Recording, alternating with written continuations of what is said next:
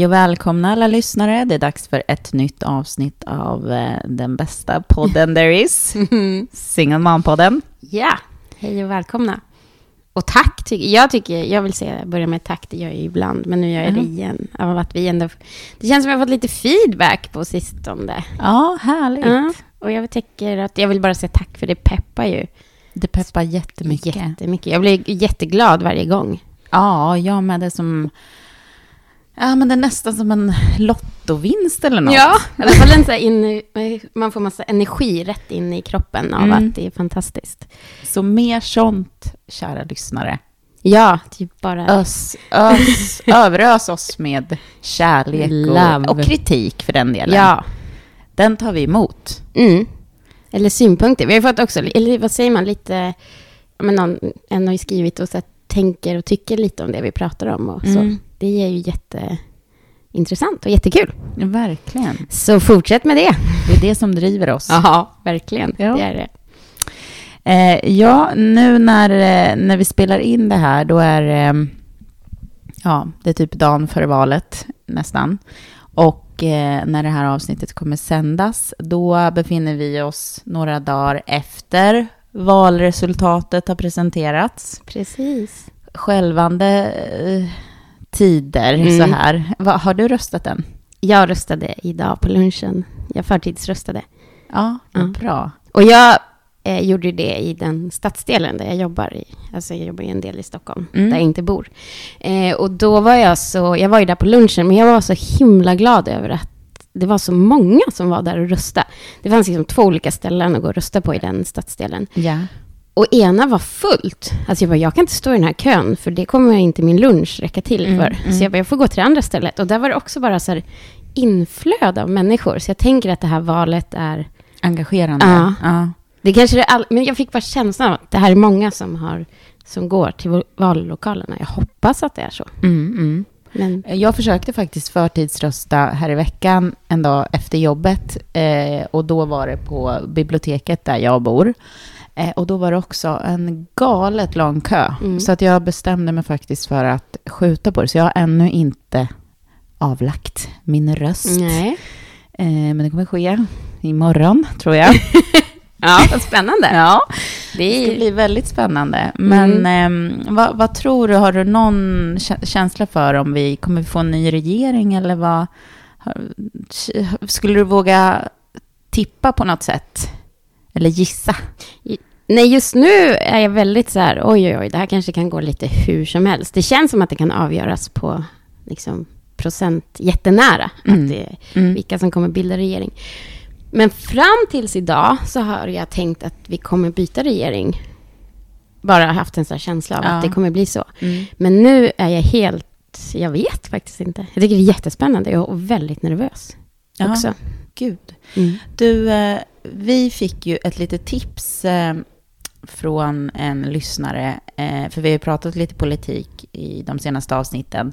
Och eh, hon tipsade ju om att man ju faktiskt kan, och det, det har jag gjort ett par gånger, men det har jag inte tänkt på inför det här valet, att man kan ju faktiskt välja att lägga sin röst lite olika beroende på om det är riksdagsval, landsting eller kommunval. Eh, gjorde du, utan att säga vad du röstade på, men gjorde du något urval eller? Ja, det gjorde jag. Så jag röstade inte samma Nej. i kommun. Heter det kommunfullmäktige? Jag kan inte ens veta vad det heter. Mm. Och riksdagen och landstinget. Jag, ett parti fick två och ett parti fick en Mm. i eh, andra. Och det är väl utifrån ja, lite frågorna och vad jag, ligger liksom. ja, och Mm. vad jag tror att de kan göra om de får mer makt i en viss fråga. Mm. För vår eh, lyssnare tipsade ju om de frågorna som ligger, eh, ligger oss nära, liksom som kvinnor och eh, som ensamstående mammor. Eh, många ensamstående mammor är ju liksom lite marginaliserade, kanske sådär ekonomiskt och så. Ehm, att man då skulle försöka foka på att lägga lite mer krut på just kommunvalet. För att de frågorna ligger oftast på den nivån. Mm. det är lite intressant. Eh, det kräver ju att man är lite mer insatt. Mm. Ja, och jag blev verkligen, när den här personen skickade det här till oss på Messenger, som mm. man också kan höra av sig till oss, eh, så tänkte jag, gud, så här måste jag ju tänka mer, tror jag. För att det är ju så. Det sätts ju en stor struktur liksom, i mm. regeringen. Och sen går ju ner till kommunen och så fattar ju de beslut. Mm. Och de är ju självstyrande. Ja, i sin nämnd liksom. Mm. Eh, och där är det ju viktigt att i nämnden, eller vad ska säga, att det sitter personer som brinner för specifika frågor. Eh, så det var ju en jätteklokt input, som mm. vi då tänker att alla får ta med sig till om fyra år. Precis, för när ni hör det här, då är det för sent. och då kanske ni tänker att oj, så skulle vi ha gjort. ja, mm. men eh, alltså jag måste säga att jag har ju ett stort orosmoment och det tror jag att väldigt många har. Men det är ju det här med Sverigedemokraternas framfart. Och eh, jag måste säga att jag har nog varit lite naiv, för jag har tänkt så här, eh, ja men det här valet kommer det inte gå så bra för Sverigedemokraterna, för att deras, alltså förra valet, då gick de ju väldigt eh, mycket till val på just att vi ska, ska begränsa vår, framförallt vår flyktingpolitik. Och eh, det, det var liksom det som debatterades då hela, hela, hela, hela tiden. Eh, och då var ju de andra partierna som en ganska stor motkraft och eh, jag till och med Reinfeldt, eller det kanske var Kinberg Batra som... Eh, det var ju Reinfeldt som förlorade. Det var ju då han just hoppade det, av. Jo, för, just det, för han hade ju hållit det här brandtalet, öppna era hjärtan och det där. Eh, och, eh, men efter det, alltså då efter den här stora flyktingvågen som kom i och med Syrienkriget, så har ju till och med Socialdemokraterna vänt helt och hållet och för nu i princip den politik som Sverigedemokraterna gick till val på då för fyra år sedan. Eh, och då har jag tänkt lite så här, men då är inte det en fråga längre. Alltså det är ju utspelat. Sverigedemokraterna kan ju inte, de har liksom ingen politik att driva längre eftersom den är genomförd. Eh, men eh, nu börjar jag inse att jag har nog fel. Ah. Alltså de, och du vet opinionsmätningarna, mm. de ligger ju skyhögt. Mm. Och vad beror det här på? Vad beror det på nu? Alltså Sverige går ju som tåget, vi har högkonjunktur. Eh, vi har stängt våra gränser. Mm. Varför är Sverigedemokraterna så framgångsrika? Jag vet inte. Det är skrämmande. Det är jätteskrämmande. Jag tänker alltid, nu, det här är ju bara vad man tänker, men att det kan vara kopplat liksom till lite missnöje över att vissa saker inte är kanske som man har tänkt sig. Mm. Och de använder ju en ganska Retoriken, enkel ja. retorik i att som man kanske inte gör någon liksom lite kritisk granskning av och kollar mm. liksom, vad kommer källan till det här. Men mm. att de väldigt så här, de här pengarna går till äldre, går inte till äldreomsorgen, utan mm. den går till det här. Och då kanske någon tänker så här, ja men jag är jättemissnöjd med min mammas äldreboende. Mm. Alltså det blir väldigt kopplat till, mm. de gör det ju enkelt, att man kan ju lätt koppla det till sitt liv. Så här, jag har inte det här, men det beror enligt SD på att pengarna har gått någon annanstans. Mm. Till något bidrag, till någon. Fast det inte stämmer. Mm. Eh, men det är bara vad jag... Men de är ju liksom helt opolitliga och kan tycka precis vad som helst. Mm. Eh, och jag, eh, jag tänker att det är också liksom en del i en normaliseringsprocess. Alltså nu är de nu är de en del, en etabler, ett etablerat parti, en del av vår politik. Eh, och det börjar se ut i Sverige, Sverige har ju lite varit ett undantag ganska länge när andra europeiska länder där högerpopulistiska krafter har fått väldigt stort inflytande redan för ganska länge sedan. Och, och jag tänker fram, alltså främst kanske på Danmark som ligger liksom närmast. Eh, och där alltså Sverige hade ju ganska länge eh, synen att man skulle trycka tillbaka SD och man skulle inte befatta sig med SD. Och sen så gjorde man en, en vändning där. Så bara, nej, men det är såklart att vi lever i en demokrati, vi kan inte tysta SD, de måste få komma fram, bla bla bla. Men det har ju bara lett till en normaliseringsprocess. Och så positionerna flyttas fram och eh, ja, det är, det är ju DN har eh, haft en rad så väldigt granskande artiklar på sistone och mycket handlar om deras eh, marknadsföringsapparat och hur de kan knytas till eh, liksom, mörka sidor på internet och som sprider. Ja, ja. just det. Jag, så, jag hörde om den på TV4-nyheterna. Ja. Att de hade, ja, verkligen den här granskningen. Mm, mm. Mm. Jag åker bil till jobbet som en miljöbov jag är. Eh, och då åker jag på en stor väg, alltså motorvägen. Mm. E4, tror jag den heter. och då så går det ju broar över den. Mm. Och en morgon när jag satt där i min lilla värld och försökte komma till jobbet, då stod ju den här uh, nordisk... Front? Eller no, ja. Det stod liksom så här fyra svartklädda män och bara tittade. Nordiska motståndsrörelsen. Ja, och så här stod bara och stirrade ner på oss som kom med bilen. Aha. Och hade någon så här banderoll, jättestort, men rasistiskt uttalande, eller liksom budskap.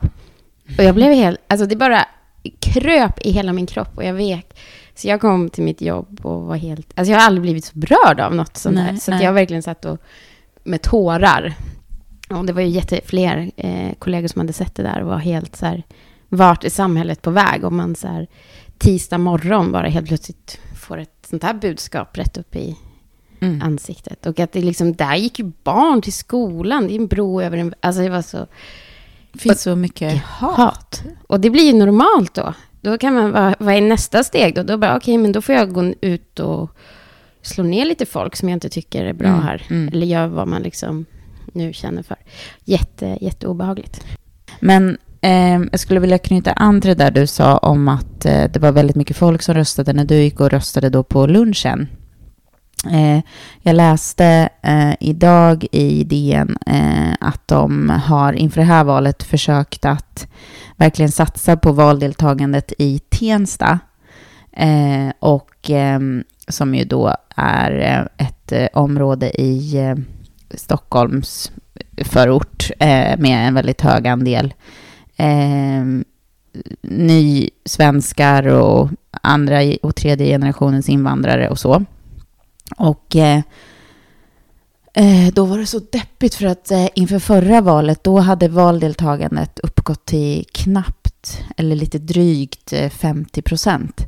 Så där är det jättelågt verkligen. Och det beror liksom på att det är en så här enorm språkbarriär och finns en uppgivenhet Eh, att man inte tror sig liksom kunna påverka, att det inte, ja men det är liksom ingen idé att bry sig om det där. Eh, och eh, de intervjuade någon person som sa att ja, men här finns liksom personer som är mer insatta i politiken i sina liksom, ursprungsländer. Eh, därför att de nyheterna kan de tillgodogöra sig, men eh, de svenska nyheterna, där blir liksom den här språkbarriären. Och det är ju så det är verkligen sorgligt. Gud vad det, man måste satsa där liksom. Mm. Hoppas satsningen har gått igenom då, fått någon Ja, men det var, kraft. Det var ändå ganska så uppgivna människor som... Eh, ja, men det var faktiskt någon som sa så här, men jag tror inte att det kommer bli ett större valdeltagande i år, för att det känns nästan ännu eh, hopplösare när man pratar med folk. Eh, mm, vad tråkigt. För då hade man istället önskat att folk, eller liksom att, den här, att det kom fram att så här, din röst kan göra skillnad, även mm. om man inte tror, alltså så här, min lilla röst i det här. Mm. Men att man ändå känns så här, känner ett litet hopp av att gå och rösta för att man vill en viss sak i mm. det landet där man lever. Att det är ju jätte... Istället för att känna hopplöshet. Ja, verkligen. Och inte gå och rösta. Det är synd att eh, nu sitter vi här och pratar om vikten av att rösta. Men ja, jag hoppas men... att alla har röstat. Och eh, röstat klokt. Mm. Och jag... Eh, alltså, om det nu inte blir något, eh, någon majoritet för något av blocken, att man faktiskt kan tänka sig i, allra, i, i ännu större grad samarbeten över blockgränserna och kanske till och med koalitionsregering. Alltså man måste ju, jag tänker de etablerade partierna, de större partierna, de står ju ändå eh, väldigt nära varandra i många grundläggande frågor. Och nu ska vi bara göra vad vi kan. Nu kör vi. nu kör vi. Vi kanske får fortsätta prata så här i fyra år då. Om. ja, men eh, jag... Eh, Eh, jag, för att gå in lite mer på vårt liksom, kärnämne, som ensamstående föräldrar eh, så har ju jag eh, precis klarat av eh, ungefär tre veckor som ensamstående på ja, riktigt. berätta, hur Ja. mår du?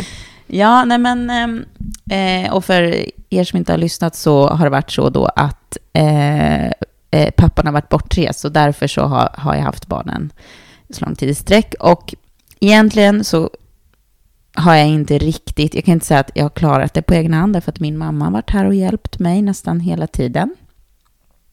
Mm. Det är inte alla som har den hjälpen. Nej, det är inte alla som har det sociala nätverket. Mm. Men det har ändå varit så här, eh, en stor nyhet i eh, mitt och mina barns liv. Det var ju att den eh, stora pojken började skolan, förskoleklass. Och så då har det blivit liksom lämning på två olika ställen och lite råddigt logistiskt. Vilket har gjort att, alltså dels har vi behövt vakna, gå hemifrån väldigt mycket tidigare. Och det har tagit lång tid både att rodda eh, lämningar och hämtningar och få liksom alla på plats. Så att sen när man väl kommer till jobbet då känns det som att man, ja, ja men då har man ju varit igång i liksom Tre fyra till, ja alltså helt absurt men. ehm, och ehm, jag måste säga att den första veckan det var en riktig utmaning. Men det var också för att det var lite eh, bristfällig information från den här skolan som eh, den stora killen började i och det var lite osäkert kring eh, hur allting funkade och sådär. Och då kände jag mig eh, utsatt. För jag kände så här, men det är ju ännu viktigare med liksom framförhållning, bra information, vikten av att kunna planera när man är ensamstående och inte bara kan lämpa över till den andra föräldern att lösa. Eh, till exempel så fick vi så här, samma dag som inskolningen började så fick vi besked om att imorgon är det ett föräldramöte på kvällen. Och det liksom blev jätteangeläget att gå på det för att ens få någon information överhuvudtaget. Och då var det så här, ah, men hur ska jag lösa det? Ja. Ja, men då ringde jag hit min mamma som inte bor i samma stad. Tack och lov att hon kom, jag är, djupt tacksam. Men, eh, nej, men det har varit eh, kämpigt och så måste jag ändå säga så här, mamma hon har servat, hon har hämtat ett barn. Så att jag inte behövt hämta båda barnen. Och hon har, har fixat middag. Eh, så att det har ju varit... Och så har hon, sista veckan så har hon även nattat ett av barnen. Så att vi har liksom gjort det lättare på det sättet. Eh, och jag har ju ändå varit så här helt ja, men, dränerad. Jag har inte orkat så här prata, men jag har inte pratat med min syster på telefon på tre veckor. Vi hörs ju annars flera gånger i veckan. Ja. Alltså jag har varit så eh, trött. Jag har somnat klockan nio vid läggningen. Mm. Eh, det brukar inte jag göra. Jag brukar ha mina Nattsudda lite. två, två timmar. Ja, precis. Ja. Ja, men jag måste säga att ja, det var väldigt jobbigt. Men det förde också med sig en helt ny erfarenhet som jag inte har tänkt på. Eller som jag inte trodde. Och det var att, för jag tänkte så här, ja men nu när liksom den här stunden äntligen är kommen då, att jag ska bli, få bli avlöst. Då känner jag bara, gud vad jag saknar dem. Jag saknar dem redan.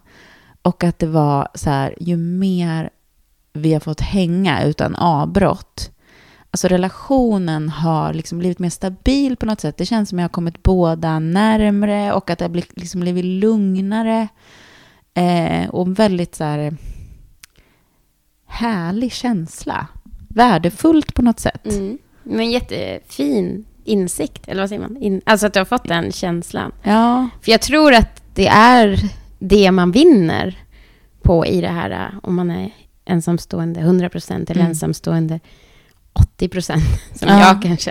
Eller Ja. så, att det är, där, det är där vinsten finns i allt det här kämpandet av att man ska få ihop hela livet. Mm. Så får man ju en fantastisk relation på köpet. Inte sagt att de som har uppdelat inte heller får den. Men jag tror ändå att man, det blir lite, lite mer när man är mycket med sina barn. Ja. Att det blir...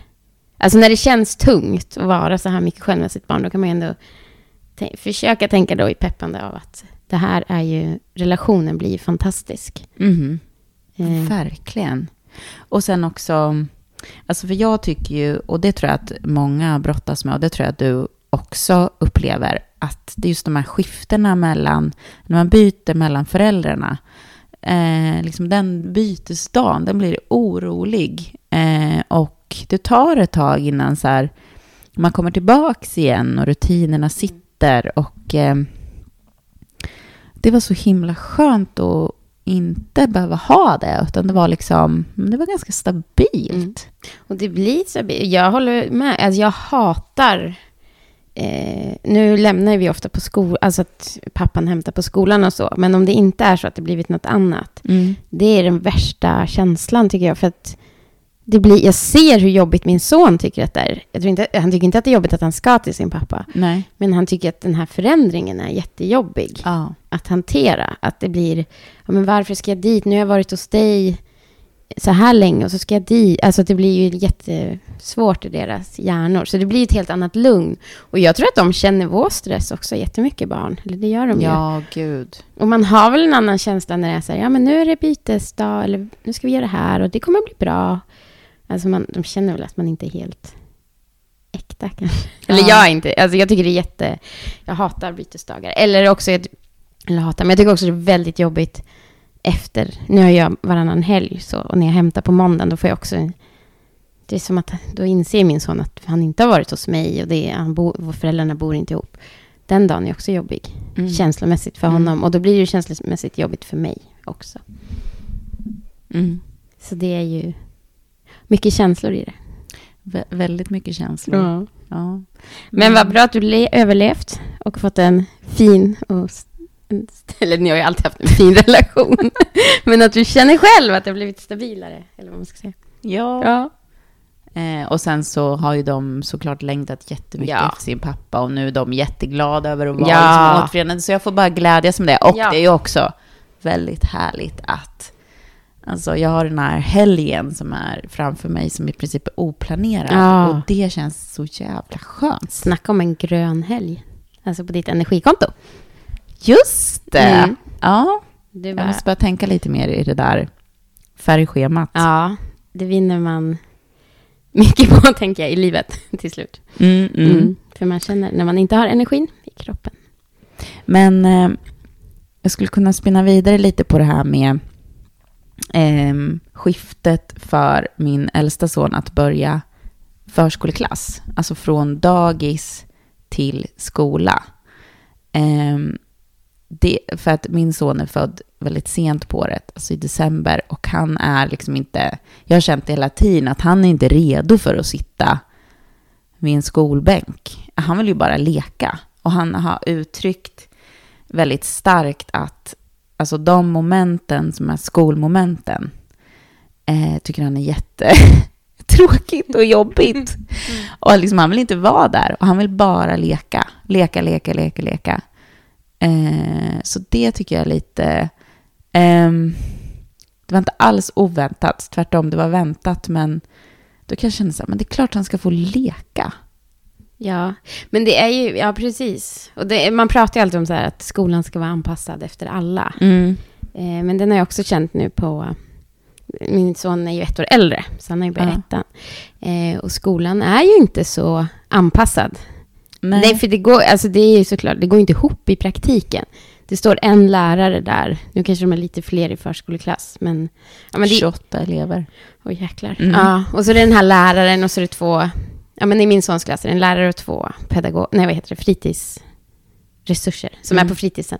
Eh, och att eh, alla barns behov ska bli tillgodosedda är ju praktiskt taget omöjligt. Verkligen. Men jag kan också vara en jobbig förälder. Ja, Så jag går, berätta om det. nej, men jag går igång på det här väldigt mycket. För att jag tycker att eh, det blir så himla knasigt. Nu, så jag har ju tvärtom situation, att min son älskar skolan. Mm. Han älskar när det är lugnt. Och det ska vara lugn och ro. Han vill lära sig saker. Och det ska vara liksom... Eh, han vill bli lite mer utmanad i skolan. Mm. Eller han tycker att det är lite tråkigt och så. Eh, för han, han vill ha en ännu mer stimulerande... uppgifter. Ja, Ja. du har kanske det motsatta ja, men visst situationen än vad jag Men det är jättespännande att höra. Ja, så jag har ju varit mer att eh, han behöver, han behöver, han är en mattemänniska. Han älskar matte. Det är Ja. hans enda, när läraren frågar här, vad är ditt intresse? Då sa han matte. Okej. Och då sa hon, finns det något annat intresse? Nej. Jo, fotboll. Men det är ändå matte. Så vet, han älskar matte och han älskar allt som har med matte att göra och spela sådana spel som har med matte att göra och sånt. Och då tyck, försökte vi prata om det med läraren. Har han fått det från dig? Nej. Från sin far? Eh, nej. Gud vad underbart. Alltså förlåt, men det, jag beundrar alla som har en sån naturlig fallenhet för matte. Ja, För jag har inte det själv och då blir det jag så här, jag, jag blir så imponerad. Ja, och jag har inte heller haft en naturlig fallenhet av att fatta vad lärare säger. Alltså jag har aldrig haft lätt i skolan. Nej. Jag har ju suttit så här, det här får jag verkligen plugga för att förstå Mm. när de pratar. Eh, men, och då har jag menat, jag så här, då var jag på ett möte och så sa jag så här, okej, men nu sitter vi här och min son, för han sa så här, du kan prata mamma. Och då sa jag, min son tycker att det är tråkigt med matten. Mm. För han tycker att den är för enkel. Vänta, i vilket sammanhang var det här? När du Det hem... är här, lära känna samtal Ah, med lärare. okej. Mm. Då säger jag, han tycker att det är lite tråkigt. Jag bara, jag förstår att han måste göra allting. För man kan inte hoppa ja. Mm. Men jag kände bara att det är så här, inte, fick inte riktigt gehör för det här. Nej, vad intressant. Vad sa de då? då? Nej men det var mer så här, ja, men nu har vi vår mattebok, då gör man de här. Jag bara, men kan vi möta, kan han göra fyra sidor då på, ja, och sen få en extra uppgift? Ja. För han liksom kollade ju på matteboken och bara, ja, ska jag göra det här? Och det är bara det ämnet, alltså det är det ämnet som han Ja, vill göra ja. andra uppgifter i. Och det var lite så här, ja, ja, vi får se. Och då tänkte jag att då är inte skolan anpassad för personer som kanske kan jättemycket i ett ämne men Mm. behöver stöd i ett annat. Utan Mm. då är det mer att eh, behöver man stöd, då får man stöd. Men behöver du, alltså att man har lite svårare att klara ämnen, då får man stöd. Men har du, går det bra för dig i ett ämne, då ska du bara liksom vara på sam, kvar på samma nivå, förstår du? Alltså att Ja. man, ut, man blir inte utmanad. För Nej. det så här, ja, men, jaha, men, oj, oj, ja, men då blir det ju kanske i de som går i tvåans nivå. Jag bara, ja, men, alltså, han kommer ju tycka att det här är jättetråkigt jätte, jättesnart. Ja. Eh, så då tänkte jag att här har vi något som jag kan gå igång på hela hösten Mm. och vara arg för att de inte lyssnar. Men det där känns ju som att det är någonting som har varit i liksom, den svenska skolan eh, traditionellt sett. Att man, ja, men det är lite så här jantelag och alla ska göra samma. Men jag tänkte kanske att det hade förändrats. Ja, lite. Och nu kanske det blir så att det förändras, för att vi var väldigt, både jag och min son, han var jättehärlig att vara på det här mötet med honom, för han argumenterade med den här läraren väldigt vad mycket. Coolt. Han måste varit så stolt. Ja, jag var jättestolt. Och så sa jag också, så jag bara, gud vad bra att du argumenterar så här mycket. Jag sa, för läraren säger, jag bara, för det ska man göra. Man har rätt att uttrycka sin, vad Mm. man tycker och tänker. Jag blir jätteglad att du gör det. Ja. Och läraren bara, ja, ja okej. Ja, men gud. Och jag ska inte prata skit om den här. Det kan vara så att det blir mycket bättre när det har lugnat sig i klassen. Mm. Men jag hoppas att man ser varje elev mer än ett kollektiv.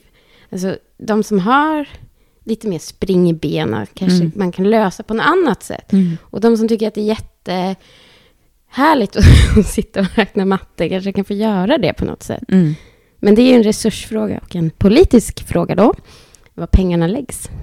Ja, verkligen. Och sen finns det ju andra skolalternativ, alltså typ Waldorfinriktning och såna grejer. Eh, men det är ju där jag tror att det är mer individuell Ja. anpassning. Men så ska man ju få till en sån skolplats Ja. också. Och jag har ju alltid trott på den kommunala skolan. Ja, och vill ju fortfarande göra det. Eh, men jag ska bara hålla koll på det, för min sons skull. Han behöver ju, just i det ämnet. för det kan ju bli så. Om man blir understimulerad och tycker det är tråkigt, eh, då kan ju det faktiskt påverka hans liksom, känsla för det. Att Ja. han till slut tycker att det blir tråkigt på riktigt och att han då tappar intresset. Ja, och sen den dagen när det blir svårt för honom, för det, eller han kanske alltid kommer ha det här, eller så har han det just nu, och så Mm. kommer alla fatt. Mm. Och då om man har blivit lite understimulerad, då är man ju ganska nonchalant den dagen det blir klurigt också. Mm. Då bara, oh shit, nu måste jag vakna till liv och eh, koncentrera mig på lektionen. Det har jag Mm. inte behövt göra på, i två år. Då blir det ett helt annat sätt. Och precis som din eh, syn på det här så är jag helt öppen för att eh, man skulle eh, så här, kunna tänka sig att man delar in den här klassen som min son har börjat i och låtit honom tillhöra, för jag, tror, jag kan inte tänka mig att han är den enda Eller han kanske är det, men jag skulle inte ha något problem med om man betydligt sänkte kraven för honom. Eh, alltså jag tror inte det finns några så här reella krav egentligen, men det är ju fortfarande vissa moment som är så, så här, sitta still. Sitta still länge. Alltså de har en samling på morgonen. Då hade han rymt ifrån det. Han har sprungit iväg från den idag. Mm. Han eh, tröttnade. Ja, och en annan gång hade han bara lagt sig ner. Mm. Och liksom, då blir det så ett jätteallvarligt prat. Då de liksom klargör att här måste man delta, annars får man inte komma. Typ. Det var budskapet. Får man inte komma? Ja, men det var någon, jag pratade med någon av personalen där som... Såg så, allvarligt på saken? Eller? Ja, och jag blev lite så här, men han är ju en liten plutt fortfarande. Ja, det är en liten plutt och vi är typ inne i skolvecka nummer tre. Ja. Det är ju, eller fyra, jag vet inte hur länge de har gått i ja, skolan. men, men det är också väldigt höga krav på att de ska fatta allting. Det är helt nya rutiner. Så ska de bara, nu ska du förstå att du ska sitta här. Undrar om de liksom, nu kommer jag in med min pedagogik. Mm, mm. Nej, men undrar om de ens har, liksom, hur vet han hur länge han ska sitta där? Nej, nej just det. Ja, men intressant att du säger det. För de har faktiskt en jättebra grej på vita, vita tavlan, mm. whiteboard. Så finns det en så bildschema för varje moment ah, på dagen. Bra. Och det är jättebra mm. för honom. Um, men eh, det där är en jättebra poäng. Alltså han kanske inte har, han har ju liksom ingen tidsuppfattning. Nej, det... Han har inte alls eh, lärt sig det där än. Alltså Nej. idag och imorgon och övermorgon och... Nej, och det är det, alltså det är där man måste ju se, det är så stora klasser, men om man såg varje individ. Ja. Nu förstår jag att absolut att lärare inte kan göra det här, för de har jättemycket. Men man hade ju önskat mm. lite mer av mm. det. Hel, alltså varje barn är unikt. Precis. Mm. Eh, och med de orden säger vi bye bye. Bye!